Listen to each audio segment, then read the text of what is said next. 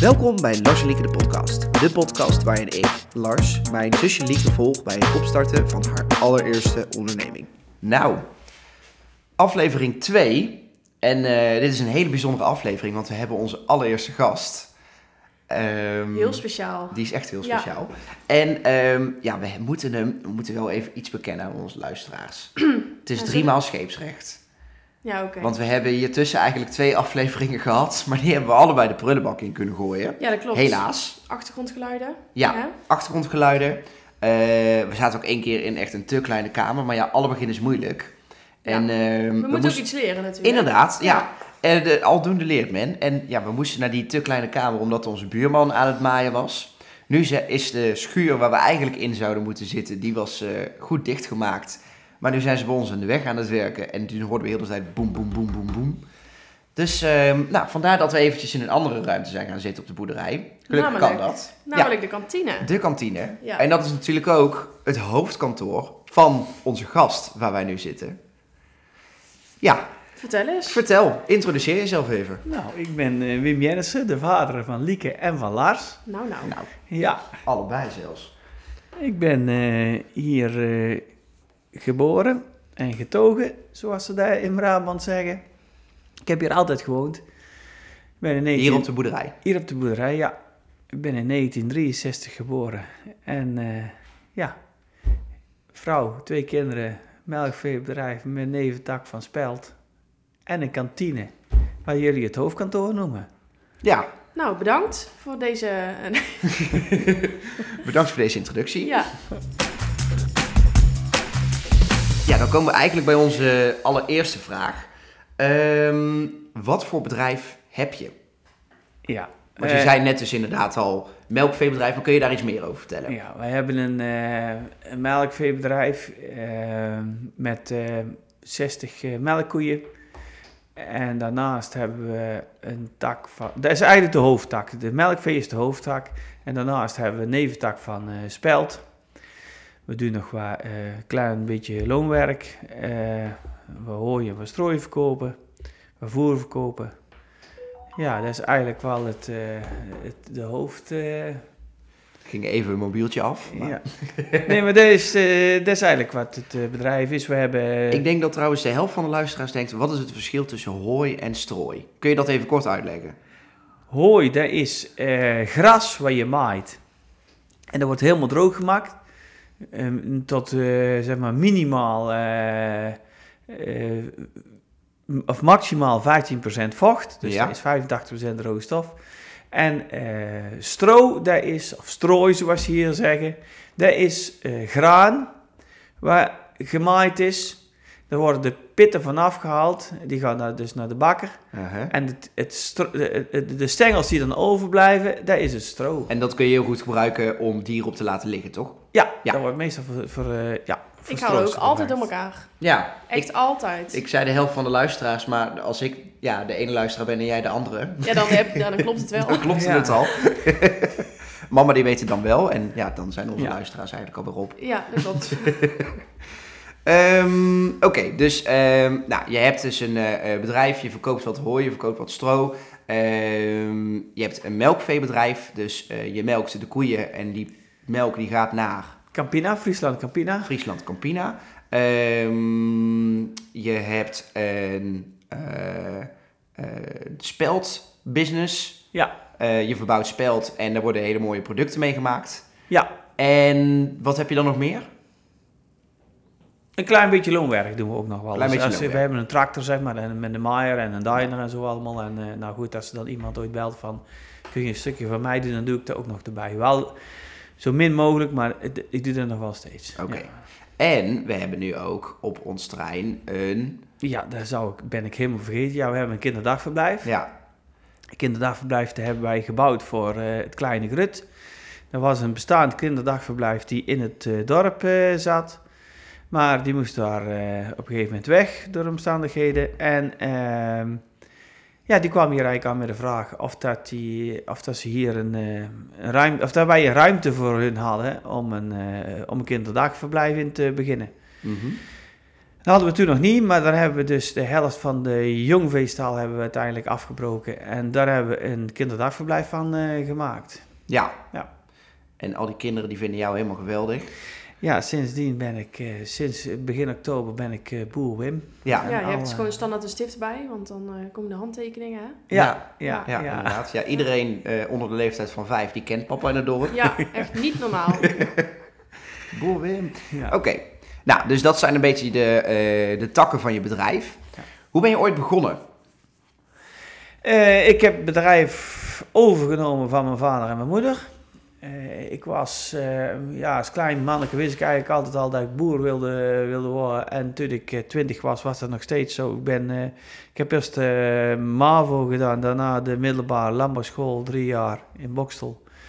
En toen ben ik thuis begonnen, dat was 1 januari, ja, dat was in de zomer van 4 1984 ben ik thuis gekomen. 1 januari 85 ben ik... met mijn vader en moeder in, in maatschap gegaan. heb je daar ooit over getwijfeld eigenlijk? Heb je wel eens gewoon twijfels gehad om het over te nemen? Of nooit? Eh, in, begin- in, het, eh, in het begin was... Nou, als je die vraag zo stelt, dan denk ik dat iedereen wel eens een keer twijfelt of je dat nou uiteindelijk wel of niet gaat doen. Maar ja, ik, ik, het was altijd mijn droom en ik, ik, ik vond het nog steeds heel erg leuk. Dus ja, ik heb daar eigenlijk niet heel veel over, over getwijfeld. Oké, ja. Ik vind ook altijd, als je boer wilt worden, dan, eh, dan moet er niet 100% zin in hebben, maar dan moet er 120% zin in hebben. Want het is best een, eh, een intensief beroep. Je moet, eh, ja, er moet gewoon veel gebeuren. Het is 24 uur per dag, zeker met melkvee. Dus eh, dat moeten we wel heel graag doen. Maar ik heb er eigenlijk nooit over getwijfeld. Was er ehm, ehm, toen jij begon ook al een eh, tendens rondom eh, de boeren? Want nu hebben we natuurlijk heel veel boerenprotesten. En ehm, Ja, hebben de boeren ook vaak het gevoel dat er heel veel mensen tegen hun zijn? dat was toen, ehm, zeg maar, eh, zoals we nou in de media gebracht worden. En het gevoel van mijzelf was toen heel anders dan nou. Toen, eh, toen hoorden de boeren er gewoon bij en eh, die werden gewaardeerd. Ik zeg niet dat het nou niet is, maar we hadden niet, ja, zeg maar, de reclames op de, op de televisie van, eh, en op de radio van, eh, ja, dat koeien slecht omgaan met, eh, met de koeien en met de dieren. En dat het allemaal, eh, dat het allemaal slecht is, dat hadden we toen niet. Ja. Het werd, eh, was een heel ander sentiment. Dat de Ja. boeren slecht omgaan met de koeien, denk ik. Dat je Ja, ja, ja, ja. ja. Want nu heb je natuurlijk die reclame van, eh, volgens mij is het wakker duur met eh, zuivel is niet zo zuiver als het, Ja. eh, als het lijkt. Ja. Nou, dat is toch wel een, eh, een negatieve tendens natuurlijk een beetje. Ja, dat is, eh, dat is zeker. En of terecht of onterecht, ehm, ik vind het natuurlijk zeker onterecht. Want als ik zie, eh, toen ik in 84 van school afkwam, hoe dat de koeien er toen bij stonden, hoe dat de varkens en de kippen er toen bij stonden en hoe dat ze er nou bij stonden, dan zou eigenlijk eens een keer, eens een, keer een vergelijking voor moeten gemaakt worden. En dan, dan zult het verschil echt wel zien wat er in die jaren allemaal verbeterd is. Ook Ja. qua hygiëne, qua huisvesting, qua medicijngebruik, eh, eh, gezondheid van alles. Ja, dat is, ja, dat is gewoon met sprongen vooruit gegaan. Dat is, dat is niet te vergelijken met toen. Wat zou je ehm, nog willen veranderen in het dierenwelzijn? Of denk je dat het eigenlijk goed is? Nee, de, kijk, dat blijft altijd eh, vooruit gaan. Het is van de ene kant ook niet, is, eh, niet altijd slecht als er, als er bij links en rechts wat kri- kritiek komt, want dan wordt er ook scherp op ge- gehouden. Alleen het Ja. moet gewoon niet doorslaan. Ik vind het niet fijn als je. eh, eh, nou goed, dan, dan komen we eigenlijk weer op, dan komen we op het vorige punt weer. Maar goed, als ik de koeien aan het voeren ben 's morgens en ik hoor dan een spotje op de radio van ja, de, de, hè, de 80% van de koeien kreupen lopen en dat allemaal die goed is wat we doen, ja, dat doen we natuurlijk heel erg zeer. Maar, ehm, Want, nou ja, wat wij zien, dat is gewoon niet waar. Bij ons is het niet waar dat eh 80% van de koeien kreupel loopt. nee, dat zeker niet. Ik denk op geen één bedrijf in Nederland. Ja. Nee, dat denk ik dat ook is niet. echt, Ik zou kan ook geen enkele boer noemen hier Nee. in de omgeving waarvan Nee. we denken van, nou, die gaat Nee, niet goed met zijn koeien om. Tuurlijk En eh, En alles wordt gecontroleerd bij Campina. Ja, ik wou net zeggen. Eh, dus- op door een onafhankelijk eh QLUB is dat, dat is een onafhankelijk eh, bureau. Dus eh, ik weet zeker dat het goed in orde is. Hoe, hoe dat ze erbij komen, dat weet ik ook niet, maar het wordt wel gezegd. Maar ehm, als je dan nog steeds even terugkomt op de vraag van waar zou je nog willen veranderen? Ja, eh, er blijft altijd, die normen die worden toch iedere keer weer eh wel aangescherpt. Dus die, die vooruitgang in, in dierwelzijn, die blijft gewoon. Mhm. Dat blijft. Je ziet nou ook steeds meer eh, vegetarisch, veganistisch. Op zich helemaal, echt helemaal niks op tegen. Want ik vind het alleen maar goed als mensen zo denken. Dus ja, minder vlees zal misschien ook wel een keer komen. Of minder zuivelproducten, dat weet ik niet. Maar ja, goed. Dat blijft, die ontwikkelingen blijven altijd. En daar moet je als ondernemer ook op inspelen. Ja. Nou, dan komen we eigenlijk bij vraag 3.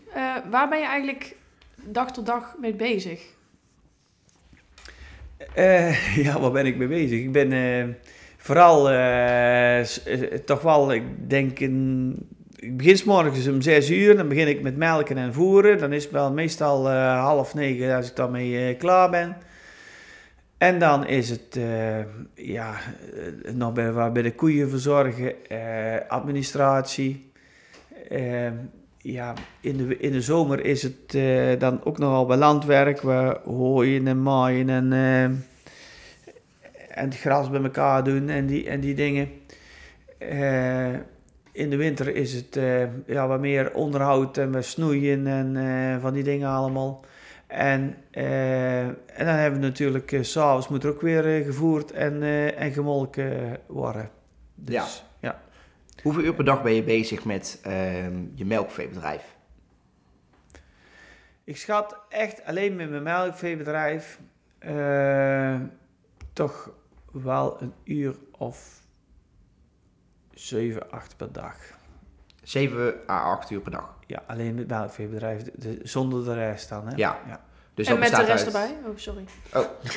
Dus dat bestaat uit melken en dat bestaat uit de koeien voeren en de koeien verzorgen en dat soort dingen. Administratie. Administratie. En ehm, met de rest, hoeveel tijd ben je daaraan kwijt? Ik denk toch, ja, Verschilt natuurlijk per seizoen. kan ik ja dat scheelt natuurlijk per seizoen, maar ik denk toch ook al eh twee, drie uur per dag. Hm. Ja. Dus je hebt eigenlijk wel een dag van 10, 11 uur per dag, Ja. standaard. ja, meestal wel, ja. Ja. ja. Sowieso. Want je bedrijf was eerst groter. Wij hebben ehm, heel lang eh, eerst moeten zeggen op de, op de basisschool dat we 120 koeien hadden. En toen op een gegeven moment op de middelbare school hadden we 130 koeien. Toen is het een beetje gaan groeien. Ehm, en toen daarna heb je ongeveer de helft van je koeien heb je, eh, verkocht. Ja, klopt. Ben je er toen ook veel minder tijd aan kwijt gaan eh, zijn? Eh, ja, dat scheelt wel. Dat scheelt zeker. Als ik morgens om 6 uur begon te melken, dan was ik om eh 9 uur, half 10 eh, klaar. Meestal was het al half Als ik alles alleen deed, hè. Ja. Maar toen hadden we wel meer, eh, meer personeel. Die dus, eh, s s'avonds werd er eigenlijk altijd eh, gemolken door iemand. Eh zondags morgens ook. Dan hielp er ook altijd iemand mee. En dan had ik nog eh, stagiaires. En dan eh, drie jongens op nul uur contract. Ja, die werkten gemiddeld denk ik eh 15, 20 uur in de week. Ja. Dus nou doe ik het meer alleen, zeg maar. Dan moet ik, doe ik het meer zelf weer.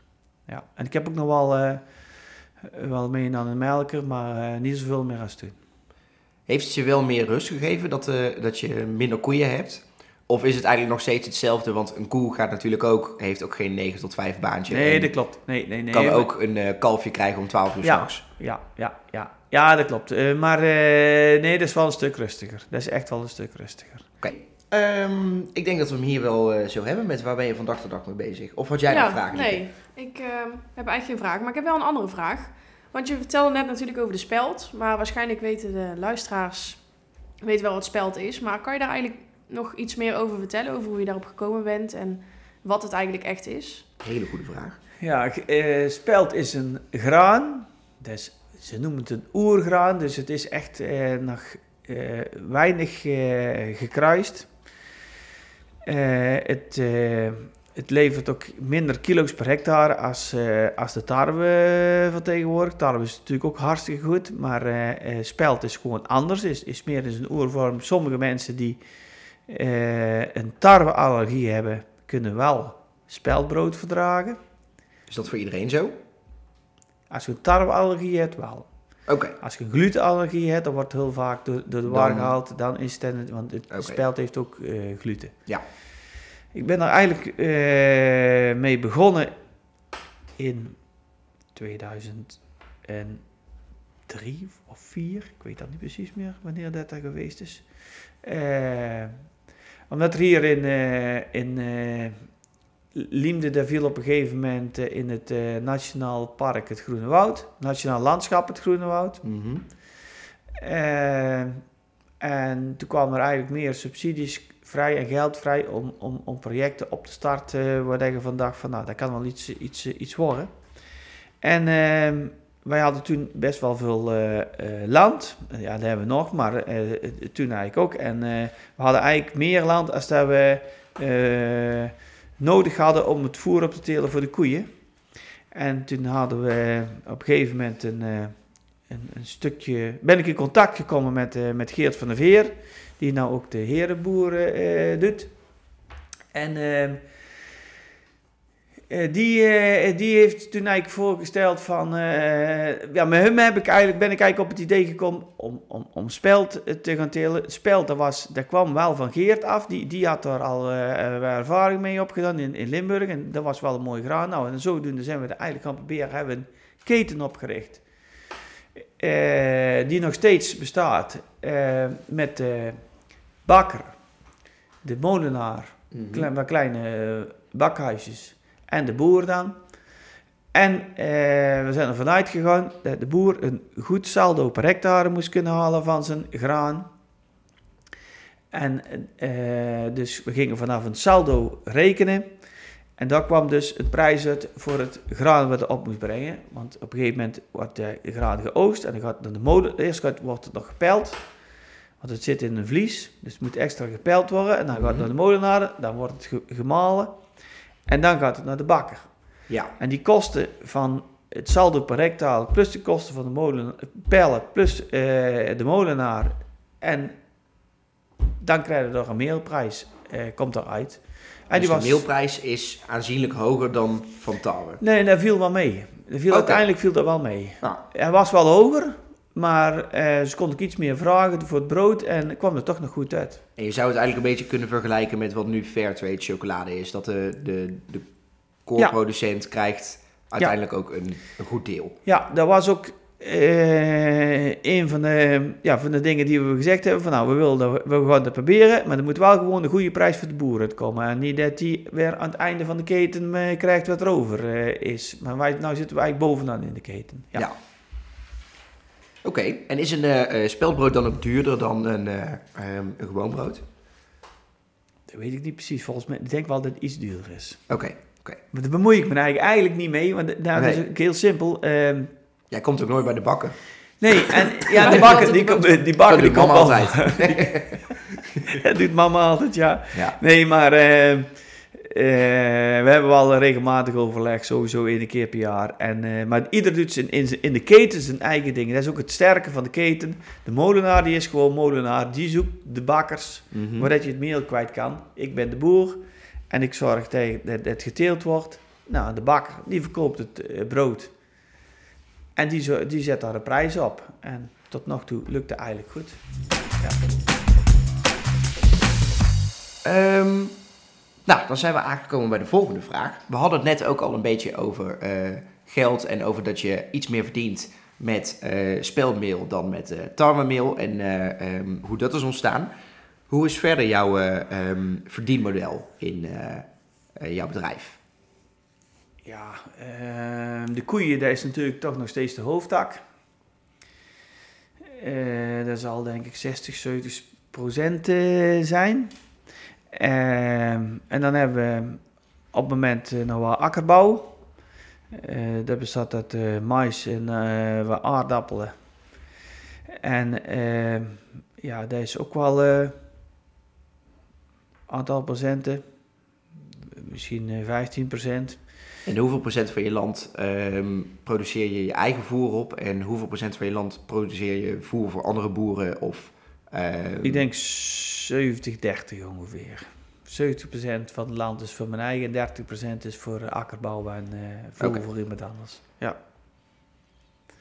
Nou ja, en dan, eh, en dan hebben we natuurlijk de speld.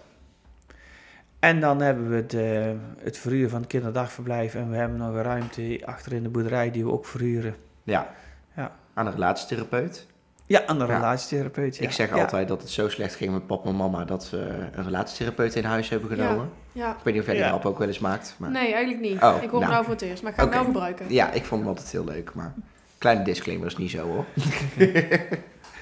Ehm, Oké, dus dat is dan een beetje eh, je eh, verdienmodel. Ja. Ehm, wat zijn dan de marges die je daarop maakt? Kun je, weet je dat überhaupt? Kun je daar iets over zeggen? Wil je daar iets over zeggen? Eh, ja, de, kijk, de, de, waar is de marge? Op het moment is de, de marge op de melk natuurlijk eh, heel goed. Eh, we hebben, ja, ik denk dat we, afgelo- dat we van het afgelopen jaar, denk rond de 55 cent uitkomen. En de kostprijs ligt nou ergens rond de 7, 38 centen, denk ik. Dus dat is een, dat is een, redelijke, dat is een redelijke marge. En die 55 cent die krijg jij rechtstreeks van Campina uitbetaald. Ja. Ja. Ja. Nou, dit is ook een uitzonderlijk goed, goed jaar hoor. Eh, De, je hebt meer jaren, denk ik 37, 38 centen beurt voor de melk. En dan is de kostprijs ook wel iets lager. Afgelopen jaar is de, het voer behoorlijk duur geweest. En ja, natuurlijk eh, energie en brandstof en zo is ook flink in prijs gestegen. Alles is duurder geworden. Ik wilde net vragen, kwam het door de inflatie? Maar waarschijnlijk wel dus. Nee, dit is toch vraag en aanbod. Ook vraag en aanbod? Ja, natuurlijk. Ja. Oké. Want hoe Bijna komt al- het... alle prijzen worden eh, gestuurd op eh, vraag en aanbod. Hè. Ja. Ja, ja, ja. Want de- de- hoe, hoe komt het dan dat eh, de melkprijs van Campina nu in één keer zo hoog is, terwijl er eigenlijk de consumenten klagen heel vaak nu dat de prijzen hoog zijn geworden en dan zou je zeggen dat ze ook iets minder gaan kopen. Ehm, hoe is het gekomen dat de, dat de melkprijs vanuit Campina naar de boeren dan alsnog zo hoog is geworden? Ja, dat is toch echt dat er min- dat te weinig melk eh, was op een gegeven moment. En dan is er heel veel vraag. En dan schieten die prijzen flink omhoog. Weet je waar die vraag vandaan kwam? Naar Ja, de melk? Dat is op, dat, dat is op wereldniveau. Want, Echt op wereldniveau? Ja. Oké. Ja. Dus als, als ze in China meer melk willen gaan drinken, Ja, of als, dan gaat bij ons de prijs ook ja, omhoog. of in, als, in- als er in Nieuw-Zeeland bij minder gemolken wordt, dan gaat de prijs ook omhoog. Eh, als, als, als de vraag het dan, eh, of de, als het, eh, het aanbod de vraag niet bij kan eh, houden, dat kan in, eh, in Amerika zijn dat er minder gemolken wordt. eh, het, ja, dat, dat, dat, dat, dat zit zo kort bij elkaar. Heel de wereld reageert op elkaar Ja. wat dat betreft. Ja. Welk ehm, land is eigenlijk het efficiëntst in eh, het melken van koeien? Weet je dat? Ja, ik denk dat Nederland wel aan de top staat daarmee. Ja. Eh, eh, ja, ja, eigenlijk weet ik dat gewoon zeker. De, nee, er wordt nergens een liter melk zo efficiënt geproduceerd als in Nederland. Ja. En dat is, eh, we hebben een supergoed klimaat, we hebben eh supergoeie ondernemers, die, eh, veehouders die, die, die, die dit vak gewoon heel goed verstaan. Goede veeverbetering. eh, ja, de, de, de infra is gewoon ook heel erg goed. Ja. En ehm, eh, nou, wat, je, wat denk ik heel veel luisteraars ook herkennen is eh boer zoekt vrouw. Ehm, dat je dan, eh, dat wat boeren op een gegeven moment zijn geëmigreerd en dat er dan, dat komt ook één keer in de zoveel seizoenen daarvoor. Ehm, dan zit er bijvoorbeeld iemand in Canada of dan zit er iemand in Nieuw-Zeeland of in Zuid-Afrika. Heb jij ooit gedacht om te emigreren naar een ander land? Duitsland misschien of Canada of... Ja, toen ik, eh, toen ik klein was, heb ik er wel zoiets over, over eh, nagedacht. Maar er is ook wel een tijd geweest, dat moet ik wel zeggen. Eh, toen ik van school afkwam, toen was eigenlijk het, het, kwam meteen de quotering. Ik kwam in, eh, in 84 van school af, in 1 januari 85, want wij zouden toen eigenlijk een grote stal gaan bouwen met, eh, ja, voor meer dan 100 koeien, maar eh, dat ging toen niet door, want toen kwam de superheffing, de quotering. Dus we Ja. mochten niet meer melk leveren als we het, jaar van tevoren hadden gedaan. En dan ging er 25% vanaf. Dus dat was echt een moeilijke tijd. Want we zouden eigenlijk in 85 die, die stal bouwen. Of in 84 zouden die stal eigenlijk al bouwen. En uiteindelijk hebben we pas in 99, in 98 zijn we pas aan het bouwen gegaan. Dus Zo. is best een tijd overheen gegaan. En in die tijd heb ik wel eens eh, gedacht om eh, of naar het noorden van het land te gaan of naar Duitsland. Duitsland stond toen ook mooie bedrijven te koop. Maar is er eigenlijk nooit van gekomen. En ehm, naar het noorden van het land, zeg je. Eh, was er dan in Groningen of Drenthe, was daar geen quotering? Jawel, maar toen kon het daar toch, eh, eh, zeg maar, de grond was daar een stuk goedkoper als, eh, als hier. Dan konden we cash overhouden en dan daar meer hectares en dan konden we quotum kopen. Maar het was ook zo, in het begin van die quotering, aan de rand konden we de melk loskopen, maar toen moest, zaten de quotums op het bedrijf en op de grond. Dus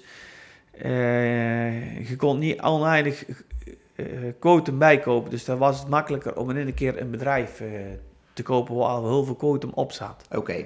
En dat quotum, dat, dat lag er dan aan ehm, hoeveel land jij had dus? En hoeveel liters melk dat je melk? Ja, ja, ja. Maar je kon dus groeien in het quotum. Ja, en dan werd En dan moest je weer land bijkopen. Ja, want dan werd in het begin was de, werd, zat het quotum op de grond. Oké. Dus als je 30 hectare had en je molkt, ik, eh, voor, het eh, voor het makkelijk te zeggen, 300.000 liter melk, dan had je 10.000 liter per hectare. Ja. En dan werd die grond verkocht met 10.000 liter melk erop. Ja. Ja. En was dat iedere grond? Of kon je daar ook, eh, moest dat echt landbouwgrond zijn? Of waren er ook slimme trucjes om. Ja, er waren ook wel wat slimme trucjes natuurlijk, maar eigenlijk in, ja, gewoon, de, de- het moest toch allemaal bij de notaris passeren en, eh, en eh, Ja. LNV keek mee, dus dat moest gewoon wel, eh, wel netjes gebeuren. Kijk, het ging over veel geld, dus je kon er niet allemaal zomaar trucjes uithalen om, eh, om te omzeilen of zo, want dat was veel te riskant. Ja. Dat moest gewoon goed gebeuren. Ehm, had jij nog een, eh, een aanvullende vraag, Lieke, op dit? eh, Ja, zo. Nou, ja, eigenlijk wel. Ehm, je had net dan verteld over de melkprijs. Dat die op dit moment heel goed is. Ehm, maar we hebben natuurlijk ook wel eens meegemaakt dat de melkprijs best wel laag was. Hoe ging je daarmee om? Heb je toen andere beslissingen gemaakt? Of, eh, Eh, we hebben heel veel jaren gehad dat de melkprijs gewoon maar eh, heel, heel, heel ja, zeg maar amper toereikend was. en waar praat je dan over? Qua marge dan? Ja, dan praat je echt over een paar centen. Oh, Dan praat je Ja. echt over misschien 2, 3 cent in plaats van, eh, in plaats van we hebben nou eh, 15 centen hebben. dus dan eh, eigenlijk even voor de luisteraars. eh, je verdient dan bijvoorbeeld 2 tot 3 cent per liter wat je Ja. maakt. Oké. Ja, en dan hadden we natuurlijk, kijk, wij hadden nog bij eh, neventakken, maar het is gewoon altijd, ook al is de melkprijs hoog, je moet gewoon heel goed op de kosten letten. Ja. ja. En op de kosten eh, en, en voerkosten en, en, en kunstmestkosten en brandstof en alles telt gewoon mee. En dat is, eh, dat is de kunst om daar goed, eh, goed in de vingers te hebben. Zijn er dan ook ehm, bedrijven geweest die op dat moment, toen dus de 2 tot 3 cent kwam, ehm, echt failliet gingen? Of viel daar eigenlijk nog wel mee? Eh daar, daar valt meestal wel mee. Eh, ze gaan niet zomaar failliet.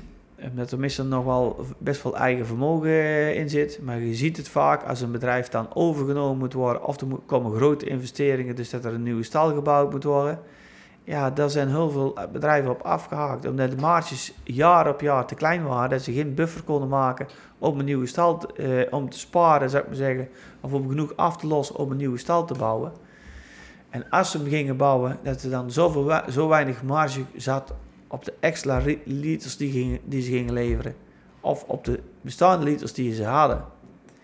Dat die investering te groot was, dat die niet terugverdiend kon worden. Nou. Maar toen ik van school afkwam, hadden wij 60.000 melkveehouders. En ik denk dat we er nou nog... eh, ik ben het een beetje kwijt, maar ik dacht, ik dacht iets van 16.000, 17.000 eh, melkveehouders hebben nog in Nederland. scheelt echt heel veel. Ja. ja. ja. Er er heel veel afgehaakt. Ja. Nou, dan kunnen we denk ik door naar de volgende vraag. Ehm, tevens eh, de laatste vraag. Wat zou je doen als je vandaag weer 18 was? Wat had je dan anders gedaan ehm, in je carrière, in je loopbaan? Eh, Goeie vraag, hè? Dat is een heel goede vraag, ja. Ik heb daar zelf, denk dat ik denk dat iedereen daar wel eens over nadenkt. eh, wat ik anders zou gedaan hebben. Ik, eh, wat ik anders zou, zou hebben gedaan was, ik was, ik zou sowieso wel met koeien eh, zijn begonnen. Dat, dat, is toch gewoon mijn, mijn passie, dat vind ik gewoon hartstikke leuk. Het ondernemen zelf vind ik ook heel erg leuk. Maar als ik het nog een keer had moeten doen, had ik eh, vlugger eh, opgeschaald. Toen ik van school afkwam, hebben wij best lang... eh, ja, 50, 60 koeien gehad. We hadden wel toen, we waren een van de eerste die die, die melkquoten met grond erbij eh, bijgekocht heeft. Eh, mijn vader was wat dat betreft ook best, eh, of eigenlijk gewoon heel erg vooruitstrevend. Ja. En ja, toen hebben we. Toen hadden we misschien toch, als ik nog een keer had moeten doen, had ik daar vlugger, vlugger opgeschaald. Vlugger eh, een bedrijf ge- ge- geprobeerd te creëren met wat meer omvang en, eh, en wat meer koeien.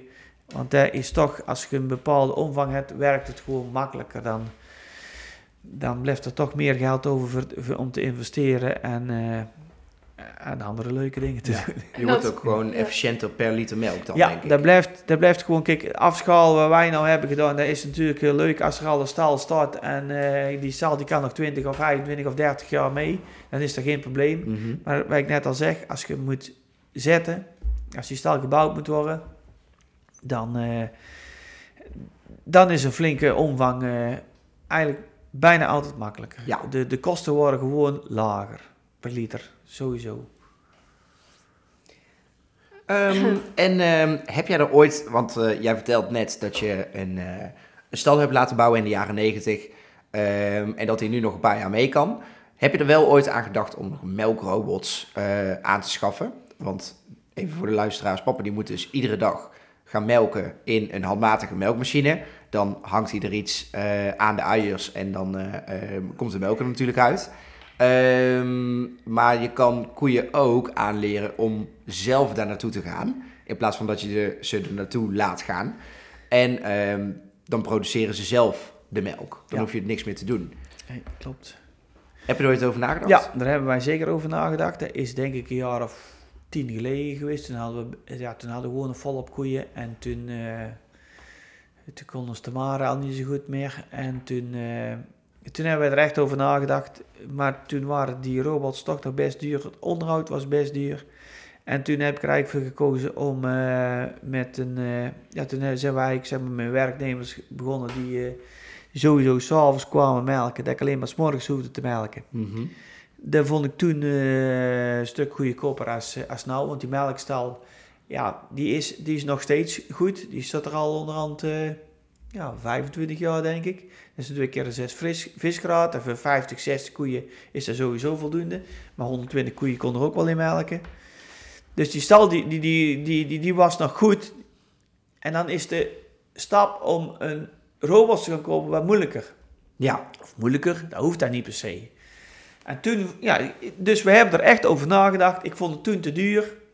En toen hebben wij het met, met knechtjes opgelost. Dat ging al hartstikke goed. En nu hebben we minder koeien. Dus ik moet wel twee keer per dag melken, dat klopt. Maar ik ben ook veel vlugger klaar. Het is niet zo'n... Het is niet zo'n herrie. ja. En ehm, eh, om dan nog heel even terug te komen op de vraag van, eh, nou, wat zou je nou doen als je 18 eh, bent? Ik vind het altijd heel leuk om op werk te zijn en dan met collega's te zijn. Ehm, heb jij ooit collega's gemist? Want het is toch best wel eh, soms gewoon echt voor jezelf werken en ook echt met jezelf werken. En met de dieren dan natuurlijk, Ja. maar die kun je geen collega's noemen. Nee, ja, toen ik pas van school af was, toen hadden we ook wat minder koeien natuurlijk. Toen heb ik veel bij de loonwerken gewerkt. Dat vond ik ook altijd heel erg leuk. Ook met collega's omgaan en zo. Dat vond ik gewoon hartstikke leuk. Eh, heb ik ze gemist? Nou, niet echt. Kijk, eh, er komen hier ook best nogal wat mensen op het bedrijf. eh, wat ik net toevallig al zei, de KI. Eh, de veearts zo min mogelijk natuurlijk. Die zie ik niet heel graag. Maar goed, maar de boekhouder, vertegenwoordigers... ehm, ja, het is, er gaat eigenlijk geen dag voorbij of er zijn een paar mensen geweest. Dus ja, je hebt toch veel, contact. Ja, onder het eten. Ja. Ook altijd heel Altijd leuk. heel fijn, want Ja. dan weten ze natuurlijk dat jij thuis bent. Ja. Ja, ja. Heel Liemt weet dat wij rond vijf uur eten. Ja, Ja. dus dan komen ze ook even lekker binnen wandelen. Ja. Ehm, en eh, eh, nou, jij hebt dus ook het bedrijf heb je van je eh, ouders overgenomen, van onze opa en oma. Ehm, toen ben je daarvoor in maatschap gegaan. Ehm, heb je ooit nog spijt gehad van je, eh, van je bedrijfsvorm? De, de, de juridische bedrijfsvorm, maatschap. Ehm, BVI. ja, dat je Of bijvoorbeeld een VOF. BV of VOF inderdaad had kunnen oprichten. Nee, wij hebben, eh, ik heb, daar hebben wij wel eh, regelmatig gecheckt, zou ik maar zeggen, wat, we, wat, we, be- de beste vorm is. Ik ben op een gegeven moment, eerst toen ik van school af kwam, in maatschap gegaan met mijn ouders. Ja, dat was gewoon toen ook de beste vorm. Toen heb ik het overgenomen. Toen heb ik eh, verschillende jaren voor mijn eigen gewerkt. Ik denk eh, 10 of 15 jaar. En eh aan de rand ben ik met Tamara in, eh, in, eh, met mijn vrouw in, eh, in maatschap gegaan. Dat was toen ook weer, hebben we weer alles uitgezocht, was toen gewoon de beste vorm. Ja. Dus het is nou nog steeds een maatschap. Nou, heb jij daar ooit eens over nagedacht al, Lieke? Wat voor eh, bedrijfsvorm jij wil? Dat is best wel een belangrijke beslissing nog. Eh, voor mijn foodtruck is het natuurlijk heel makkelijk. Eenmanszaak. gewoon. Ja? Ja. In ieder geval, daar hebben we op school ook over gehad. Dus dat heb ik ook gewoon uitgezocht. Mhm.